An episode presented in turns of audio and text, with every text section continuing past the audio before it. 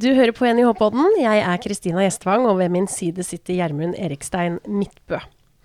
I Norge så kan vi få både medisiner og operasjoner nesten gratis. Vi betaler bare en liten egenandel.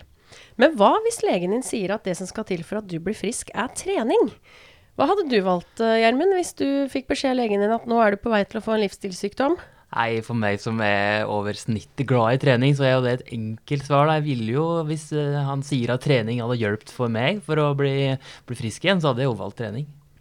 Ja. Og det vi snakker om nå, det er grønn resept-ordningen. Den ble i utgangspunktet, eller for første gang, introdusert høsten 2003. Og det betyr veldig enkelt fortalt at pasienter kan få veiledning og tiltak på fysisk aktivitet og kosthold. Og legene har en egen refusjonstakst på det her. Men jeg kan jo egentlig si at det handler om det er jo trening på resept. Ja, så vi kommer til å antageligvis utover episoden si trening på resept. Og trening kan være medisin. Det er jo, det er jo veldig fint å høre. Mm, mm. Men så er det sånn. Dette var i 2003. Eh, allerede tre år etter så viste kartlegginger at ordningen ble brukt i liten grad. Og i en rapport som kartla svarene til 650 fastleger, så rapporterte 40% at de aldri hadde skrevet ut trening på resept, og 30% hadde bare skrevet ut én til fem sånne resepter. I tillegg så var 44% av fastlegene negativ til ordningen. Og det her gir også et lite eksempel på hvordan det er i dag også, 20 år etter. Eh, for etter min mening i hvert fall, så brukes trening på resept i altfor liten grad. Skjønner jeg jo, Dette er jo noe du er veldig engasjert i og har mm. sterke meninger om. Og vi har noen gjester i dag som har au det. da. Så vet vi jo at eh, kunnskapen om effektene fysisk aktivitet har, det, vi vet jo at det koster veldig mye for samfunnet med livsstilssykdommer og alt som følger med inaktivitet. Og så verker det jo som at vi har sett i gang altfor få tiltak da, for at trening blir en del av behandlinga. Er det ikke slik, eh, Kristina? Jo, det er det. Men du skjønner at så kommer vi til 2023, da. Mm. Og da tok Stortinget et viktig skritt mot å fremme helse. For i mai så vedtok Stortinget en innstilling om at regjeringen bør legge til rette for økt bruk av trening på resept, og i tillegg utforske nye oppfølgingsmodeller. Så det store spørsmålet i dagens episode det er jo hvordan skal vi få trening på resept til å fungere. Og vi har med oss to strålende gjester. Vi har med oss eh, Mie Line Eriksson fra NHO Genio, som er fagdirektør for forebyggende helse. Og så har, har vi med, oss vår eh, interne professor Sigmund Andersen fra Institutt for idrettsmedisinske fag. Velkommen til dere. Tusen takk. Takk. Sigmund, mm -hmm. du mhm. var med fra start. Vi snakker uh, ja, 90-tallet, 98, uh, med å fremme fysisk aktivitet overfor myndighetene. Kan ikke du dra oss litt igjennom hvordan det egentlig starta? Uh, det skal jeg forsøke på. Altså I, i 1998 så ble Statens råd for ernæring og fysisk aktivitet etablert. Ernæringsrådet har jo hatt en lang lang historie, men nå ble da fysisk aktivitet integrert i, i det hele. Og mandatet eh, til dette rådet det var jo å fremme fysisk aktivitet og ernæring for, eh, for politikerne våre, slik at de kunne ta kloke valg. Uh, og så ble det jo i grunnen jobba ganske godt, uh, syns vi. Uh, mm. Og vi, altså vi var med på en stortingsmelding. Det kom en stortingsmelding i 2003 den het noe sånt som eh, 'Resept for et eh, sunnere eller friskere Norge'. Og da var fokuset ernæring, det var tobakk og fysisk aktivitet, bl.a. Og oppi dette så uh, var det altså nedsatt en gruppe som skulle jobbe med grønn resept. Uh, det arbeidet begynte vi med i 2002, uh, tror jeg. og den gruppa besto av to fastleger to personer fra Helsedirektoratet og også meg. Og vi, eh, vi eh, laga en eller annen slags oppskrift for hvordan dette kunne funke. Og daværende helseminister eh, Dagfinn Høybråten han syntes dette var veldig ok, og implementerte dette. Etter vår mening altfor raskt. Fordi det var en form for litt sånn svart-hvitt uh, opplegg at enten så skulle de gi medikamenter, eller så skulle de gi råd om kost og fysisk aktivitet. Eh, fastlegene i vår gruppe de var jo veldig tydelige på at sånn, sånn kan vi ikke tenke, men, men, det hadde ikke vi noe eh, hva skal vi si, påvirkning på det.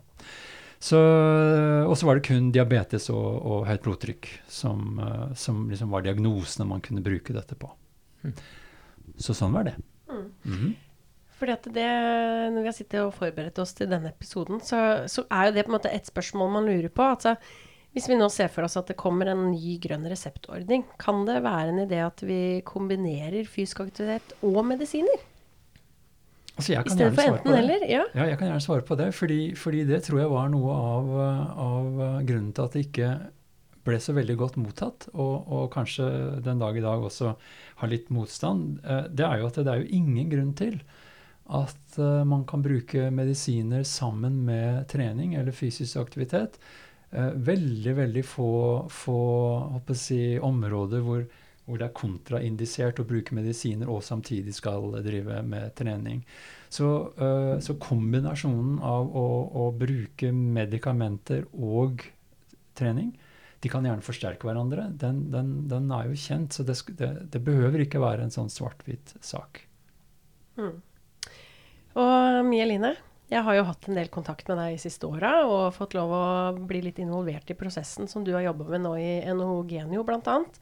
Dere var jo eh, sterkt involvert i den helsepolitiske saken som gjorde at Stortinget i mai vedtok at eh, grønn reseptordninga skulle utredes. Hvordan, hvordan, går man frem når man skal eh, påvirke beslutningstakerne? Jeg tenker i vår sammenheng at vi har så uh, mye fagkompetanse, tung fagkompetanse, som er innhentet over tiår uh, som taler for at uh, trening bør i, like, i, i, veldig stor grad likestilles med medisiner, eh, nettopp fordi det er en medisin i seg selv.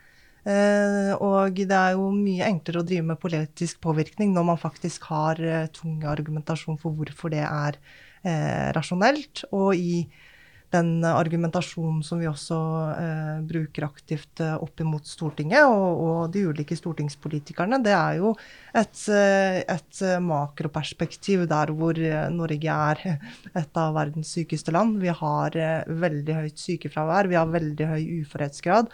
Og uten å gjøre det for komplekst, alt henger jo litt sammen med alt. Eh, og du ser jo de eh, hovedårsakene til at f.eks. man får et høyt sykefravær. Det er jo muskel og skjelett, det er mentale lidelser. Eh, det er eh, lidelser som kan eh, både behandles og kanskje forebygges med fysisk aktivitet. da. Uh, og i dag så er det jo slik at uh, du har det såkalte kommersielle markedet. Alle kan jo gå og kjøpe seg et uh, medlemskap på et treningssenter. treningssentrene i Norge aktiviserer over en million personer.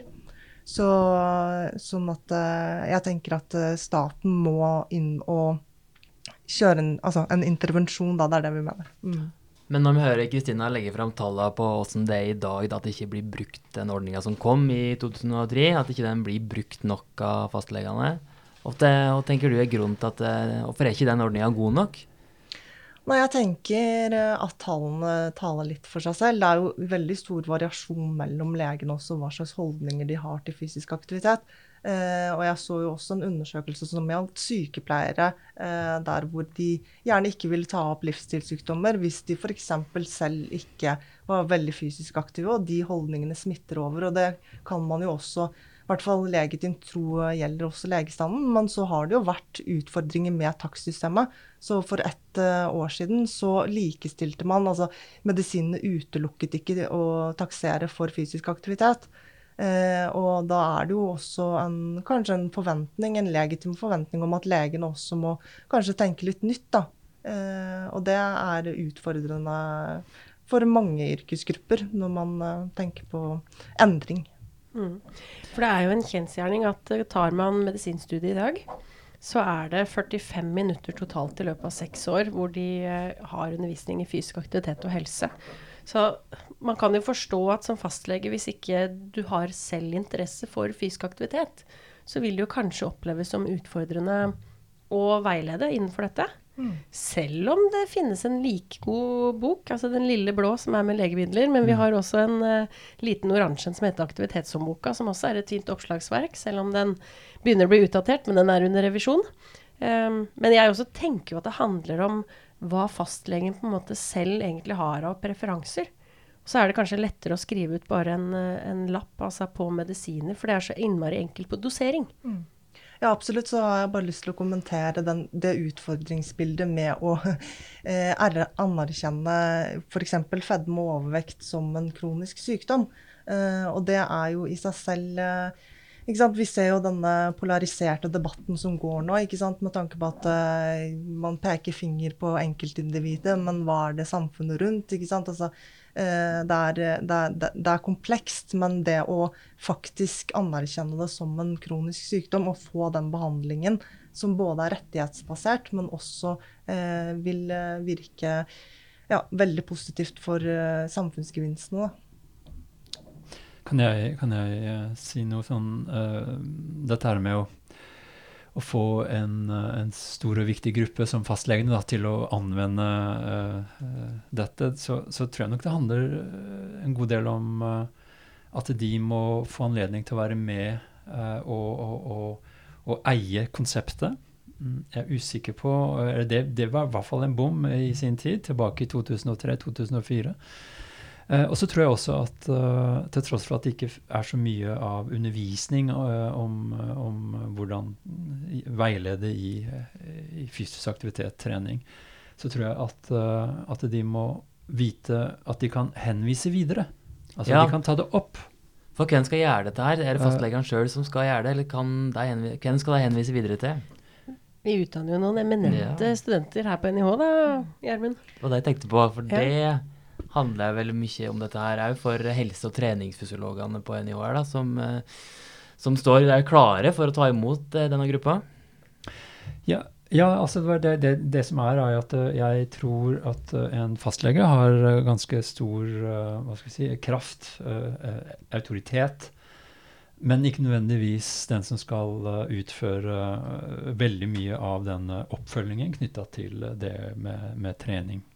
Eh, og da tror jeg at eh, en, en fastlege som da anvender eh, denne resepten, bl.a. ved å liksom gi tydelige signaler om at dette kan være et veldig godt alternativ for deg, og så henvise videre til et system. og der, der er det jo våre, våre kjekke folk da, som utdannes fra, fra NIH. Uh, som, som, kan være en del av det apparatet som tar imot ulike typer av, av personer.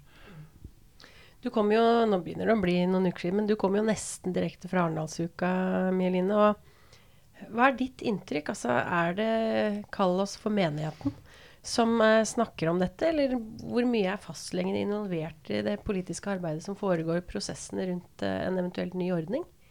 Nei, Vi har jo en uh, dialog med fastlegene, absolutt. Men jeg tror jo Eh, som sagt at eh, det absolutt ikke er fastlegene som har spisskompetansen på fysisk aktivitet og ernæring. Eh, den besitter jo andre som har eh, både ettårig, treårig og flerårig utdannelse innenfor det området. Eh, sånn at eh, jeg tenker at vi jobber for en ordning der hvor fastlegene henviser videre i systemet, sånn som de gjør til andre, annen type helsepersonell. og så tenker jeg jo at Eh, man står og stamper litt nå, og man kanskje skuler litt på hverandre eh, med tanke på liksom hvem som skal gjøre hva, hvem skal ha ansvar for, fra, altså for hva, og hva slags eh, Rett og slett, eh, for å være helt direkte, hva slags, eh, hva slags på en måte anerkjennelse har de ulike yrkesgruppene mot hverandre. Da. Altså selvfølgelig legene er også eh, ekstremt kompetente, men det å også anerkjenne andre yrkesgrupper innenfor det fagfeltet som de nødvendigvis ikke er utdannet innenfor. da. Jeg har med et stykke å gå der. Jeg tenker på ja, Fysioterapeuter, lege, trening og helsefysiologer. Er det en anerkjennelse blant disse yrkesgruppene om at det her eh, er viktig å vise videre? Jeg, jeg, tenker fra min side at uh, vi har et stykke å gå, men uh, jeg syns jo det er uh, Fra et samfunnsøkonomisk perspektiv så har vi jo over 20 000 utdannede personlige trenere i landet. og grovt sett så er det rundt 2000 som er aktive. Sånn at vi har faktisk ganske mange personer som har denne spisskompetansen, som kan også eh, betyr veldig mye for den enkelte. Og jeg tenker eh, Jeg har bare lyst til å nevne at jeg var jo på besøk i ulike klinikker og behandlingssteder. Og da snakker du med folk som er til behandling for sykelig overvekt, og folk som har gått over 40 i KMI. Eh, og de skulle jo ønske at de kunne få hjelp lenge, lenge før. Det tar veldig mange år å legge på seg så mange kilo. Men det å kunne få den oppfølgingen og hjelpen som de trenger mye tidligere, og tenke mer eh, forebygging, det vil bety ekstremt mye for den enkelte, men også for samfunnet generelt. Mm. Opplever du eh, at Altså, helseautorisasjon, opplever du at det er noe som etterspørres, om det er der det sitter fast at ikke fastlegene vil henvise hvis man ikke har det? Hva er ditt inntrykk av det? Ja, altså øh, Jeg tror at vi vikler oss inn i ulike systemer, men heller det jeg skulle ønske meg, det var en debatt om hva egentlig problemet er. Uh, og problemet er nettopp at 80% av Norges befolkning er ansett som inaktive. Vi har store helseproblemer, og jeg tenker at hvis vi først uh, danner en felles plattform på hva som er problemet, så kan vi selvfølgelig diskutere djevelen som alltid ligger i detaljene. Men uh, jeg har jo lyst til å nevne det med røykeloven også. Den er jo ansett som veldig vellykket i dag. Men innføringen av røykeloven, det er jo ikke eh, lenge altså det, det, er jo bare noen tiår siden folk satt og røyka på fly og på flyplasser og i bilen med ungene bak. ikke sant? Og det har jo noe med hvordan også hele samfunnet eh, ja, klarer å endre seg, og holdninger endres over tid. da. Absolutt. Der kan man jo nevne at vi før sommeren hadde en episode om eh, befolkningas aktivitetsnivå, der Sigmund her eh, var med som gjest. og Det er bare å gå tilbake i eh, historia og høre på den. Men tror dere at vi nordmenn blir mer aktive da, generelt om trening blir skrevet ut på resept? Er det her en quick fix? Nei, det er vel veldig få ting som er quick fix. Men, men jeg tror jo at uh, med all den dokumentasjonen som finnes uh, når det gjelder effekten av, uh, av trening, altså det å gå fra nesten ingenting til å begynne å gjøre noe, og som da treffer enkelte typer lidelser, og at det vil være mm, nesten uetisk om ikke det blir forespeilet pasienten at det kan være et godt alternativ. Eller dette burde du gjøre i tillegg til en medikamentell behandling. Ja, så jeg tror jo at, eh, at dette kommer til å bli noe av uh, over tid. Men at det er som med mange andre ting, og som du nettopp sa, det tar tid altså, før holdninger endres, før ting blir en del av hva skal vi si, normalen. Mm. Jeg opplever kanskje at vi skynder oss sakte Eh, som jeg tenker er viktig i en sånn prosess, fordi at man da for 20 år siden også innførte en ordning vi har erfart i dag at ikke fungerer optimalt. Da. Um, og det som er positivt, da, og dette mener jeg at jeg har funnet på deres sider i NHO Genio, det er at Helsepolitisk barometer fra 2023, som undersøkte nordmenns holdning til helsepolitiske spørsmål, Eh, så ble det rapportert at nesten 80% av befolkningen i Norge er positive til å innføre trening på resept. Ikke at det nødvendigvis sier noe om sluttresultatet, men i hvert fall de som går til legen, er jo positive til dette. Ja, absolutt. Og vi ble jo veldig positivt overrasket egentlig når vi så de tallene. Men uh, jeg tenker jo også sant, folk som jobber med personer som ønsker en livsstilsendring, for det er jo det vi snakker om. Og det, det, jeg mener og brenner for, det er at vi må slutte å si at det er så lett. Fordi det er ikke lett. Det er lett for kanskje oss som sitter i studio. Mm. Det er kanskje lett for eh, de som er inne i menigheten vår, men vi må slutte å si det, at det er lett, for det er det rett og slett ikke. Eh, og veldig mange får både dårlig selvbilde, eh, det går utover liksom, mentaliteten til folk osv. Det med sant, hvordan kroppsbilde, idealer osv. er i dag. Og det jeg tror, det er også at man bør se på en modernisering når det gjelder eh, hvordan man ønsker å jobbe med livsstilsendringer. Vi ser f.eks. når det gjelder eh, rusbehandling, endringer når det gjelder å få seg arbeid osv., så, videre, så bruker man noe som heter motiverende intervju. Eh, F.eks. sånne type ting der hvor man får større eierskap, ansvar til sin egen reise som man skal på. fordi det er de samme prinsippene som gjelder når man skal endre eh, grunnleggende ting i livet sitt. Eh, F.eks. familieintervensjon, der man går inn på en hel familie. For eksempel. Fordi at hvis det er én i familien som skal endre sin egen livsstil, det er kjempevanskelig. Eh, og det ser man også fra klinikkopphold når man kommer hjem. Da er tilbakefallsraten 60-70% Så det å også tenke litt nytt rundt både konsepter, men også sant, bruke, bruke, fagkunnskap som kommer fra andre felt. da. Kristina, dette her er Kristina, dette her er jo feltet ditt, folkehelse og trening, få folk i gang. Det kan du mye om, eh, og du veit kanskje òg en del om hva som finnes av forskning på, på feltet? Du forsker jo sjøl? Eh, ja. Eh, jeg vil si at mitt primære fagfelt enn så lenge er i hvert fall treningsatferd. Men jeg er jo med, heldig å være med i begynnelsen ja. av forskning, sånn at jeg kan også utvide forskningsfeltet mitt. Um, og da har jo vi på NIH vært heldige å få lov å være med nå i våres på en pilotstudie vi sitter i forskningsgruppa hvor vi eh, hadde 188 kvinner som ble rekruttert og randomisert litt ulike oppfølgingsmodeller. Litt sammenblanding av bare fysisk eller blanding av fysisk og digital treningsveiledning. Eh, og ut ifra den så er vi nå også med på å designe en stor intervensjonsstudie på 22 måneder. Hvor da vi håper at fastleger etter hvert vil bli med på laget, rekruttere forskningsdeltakere som er pasienter, eh, som da blir fulgt opp eh, digitalt av en veileder. Det handler også om at det kanskje er mer samfunnsøkonomisk hvis man skal bli henvist. Eh, så er det litt billigere å bli veiledet over video enn eh, fysisk. Og det vi allerede ser, da, hvis vi tenker digitale helseintervensjoner, er at uh, det er flere store systematiske oversiktsartikler som viser at det kan gi en positiv effekt på f.eks. treningsatferd. Men det er mangel på det som kalles longitudinelle studier. Det er mangel på oppfølgingsstudier. Og vi vet jo i dag at det er eh, For det er, kan man jo bruke ordet lett. Altså det er lett å starte å trene. Mm. Men det som er vanskelig, er å fortsette. Det altså Så det en, trenger vi mer forskning på. Ja, Det å ha en digital coach, en trener som følger deg opp digitalt, du får tilbakemelding på underveis, at det kan være en styrke det kan gi en effekt. Men uh, vi må allikevel understreke litt det som Jeline nevnte nå, at det handler om individet i seg sjøl, og at man skal oppleve autonomi, at man gjør dette fordi man selv har bestemt det. Oppleve mestring i form av at man mestrer det man ser for seg.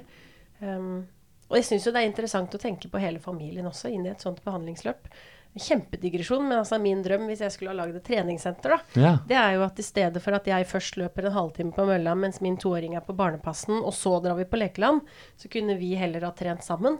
Hatt en foreldre-barn-time. At vi ja, rett og slett ser på hele familien, da, og ikke bare enkeltindivider. Kult. Alt skal jo implementeres i hverdagen til uh, alle oss. Mm. Men vi må videre og det er det som skal skje nå for at dette her skal, skal bli en realitet. Det, det må, ikke, må, ikke, bare være debatt. Eh, sånn som du nevner Arendalsvika. Det, det, var mye av det samme mm. i år som i fjor. Hvordan er veien din videre for å jobbe med dette her, eh, Mie Line? Nei, det vi jobber med, det er selvfølgelig utformingen av en grønn reseptordning. Men vi ser også det med arbeidsliv og helse i større tilknytning. Fordi at det henger veldig tett sammen. Uh, og det å uh, uh, jobbe liksom på en måte strategisk, og at det med arbeidsinkludering og det å være i, arbeidslivet, det henger så tett sammen med, med helsen din, da, og uhelse som også går i arv. Sånn at vi vil selvfølgelig komme med et konkret forslag der hvor vi skisserer en ordning med innspill fra flere aktører som kan eh, realiseres. Men det er ekstremt viktig at alle eh, faginvolverte får et eierskap og er med å kunne påvirke prosessen. Absolutt. Eh, men jeg tenker at nå venter vi, venter vi litt på hva regjeringen også skal komme med. Men vi jobber jo med, fortsatt med, med, politisk påvirkning. Mm. Ja, Har du trua på å få med politikerne, Stortinget, regjeringa på dette? Jeg tenker at vi har kommet nesten til et punkt at vi ikke har råd til å la være, rett og slett. Eh, fordi at eh, det koster samfunnet for mye. Og eh, vi ser det på, på, individnivå uten å komme med en full digresjon. Du ser jo det på mentale lidelser, altså selvmordsstatistikk osv. Altså hvor, hvor alt sant, henger litt sånn sammen med alt. Sånn at jeg tenker at de som trenger det og ønsker det, skal få et tilbud om helseveiledning. altså ernæringsveiledning og eh, veiledning innenfor fysisk aktivitet. Det, det tenker jeg at eh, alle bør få. Ja. Selv om jeg er en programleder i poden, så har jeg på meg litt forskerhatten i dag og har jo mange tanker om dette. Det jeg også tenker kanskje er viktig, også for å skape tillit og troverdighet, eh, spesielt opp mot fastlegene, så må vi jo klare å få på plass et eller annet system eller et eller annet godkjenningsordning, sånn at vi vet at fagpersonene som sitter i andre enden som pasientene skal til, er kvalifiserte. Der har jo vi på NIH også en stor jobb med å fremme vår yrkesgruppe helse- og treningsfysiologer. Um, et, hva tenker dere om altså, økt takst for at fastlegene skal bli motiverte til å bruke det? Ja, jeg tenker hvis det er et insentiv som må til, så absolutt. Men så tenker jeg også at vi har eh, ulike utgangspunkt. Det er jo aktive instruktører som utdannes nå f.eks. Eh, til å trene folk som har fått en kreftdiagnose. Og der har man jo satt noen krav, og, og man har en form for standard og et utgangspunkt. Eh, sånn at jeg tror at vi, vi er ikke langt ifra fra å komme til en god løsning der hvor man faktisk kan ha noen kvalifikasjonskrav. Men så tenker jeg at vi heller ikke bør ha et samfunn der hvor du må eh, nødvendigvis eh, utdanne deg helt bort. fordi at veldig mange faktisk de som er gode på eh, helseveiledning, de er kanskje ikke nødvendigvis de mest skoleflinke, men de har den medlemmenneskelige kompetansen og andre egenskaper. da. Men hvis du som hører på i dag er fastlege, eller du er fysioterapeut eller helse- og treningsfysiolog, da, har dere noen noe tips til, til den, de fag- yrkesgruppene der, til hvordan de kan um, ta mer i bruk ordninga, eller er det da jobbe for å, at det skal bli ei bedre ordning? Jeg tenker eh, fra min side at det er ekstremt viktig å kunne sette seg inn i den andres posisjon, og hva slags komplekse livsstil f.eks. altså den som står overfor deg, har. Eh, jeg tror det er faktisk lett å ha underbevisste holdninger som kanskje ikke sant, altså det, er, det er så lett tilbake til det. For jeg tror at det ligger i det for alle. Jeg tror ikke det er noen i det norske land som ikke vet at eh, fysisk aktivitet og sunt kosthold er bra for deg, og at du lever lenger og at du har livskvalitet. Så det det å få det til, men det å klare å motivere, inspirere og ha stamina med den, enten kunden, klienten eller pasienten, eh, det tror jeg er eh, nøkkelen, det med medmenneskelighet. Helt enig. Og det er jo også litt av bakgrunnen for at vi de siste årene har inkludert f.eks. helsekommunikasjon i, eh, i vår bachelorgrad på, for helse- og treningsfysiologer. Fordi at det det fungerer ikke bare å vite hva slags trening som gir effekt, hvis du ikke vet hvordan du skal kommunisere om det. Mm. Så det er jo et godt poeng. Mm. Jeg tror bevisstheten rundt det, betydningen av, eh, av eh, aktivitet uh, som en del av det gode liv, kall det det, da, mm. et friskere liv, uh, den er mye, mye høyere nå enn den var for 20 år siden. Uh, det vil jeg tro. sånn at jeg er jo jeg er en slags sånn optimist på at det er litt over tid nå, så skjer det noe. Men det skjer ikke noe av seg sjøl. Og da må disse som da står på her, de må, de må kunne knalle til og påvirke de riktige menneskene. Mm. Slik at dette blir noe av. Mm. Gode tanker om et viktig tema. Mm. Og ryktene går at jeg tror at det vil bli et nytt høringsmøte på Stortinget om dette i løpet av høsten. Så vi må jo bare krysse fingrene for at prosessen går eh, i riktig retning. Spennende. Mm. Tusen takk, Sigmund og Mie Line, for at dere kom i studio. Takk. Vi er tilbake om litt, vi, Gjermund. Det er med. NIH-poden kommer eh, hver tirsdag annenhver uke. Bare å følge med. Mm. Følg oss på Insta, eller send oss en mail på podkast at nih.no. Vi snakkes.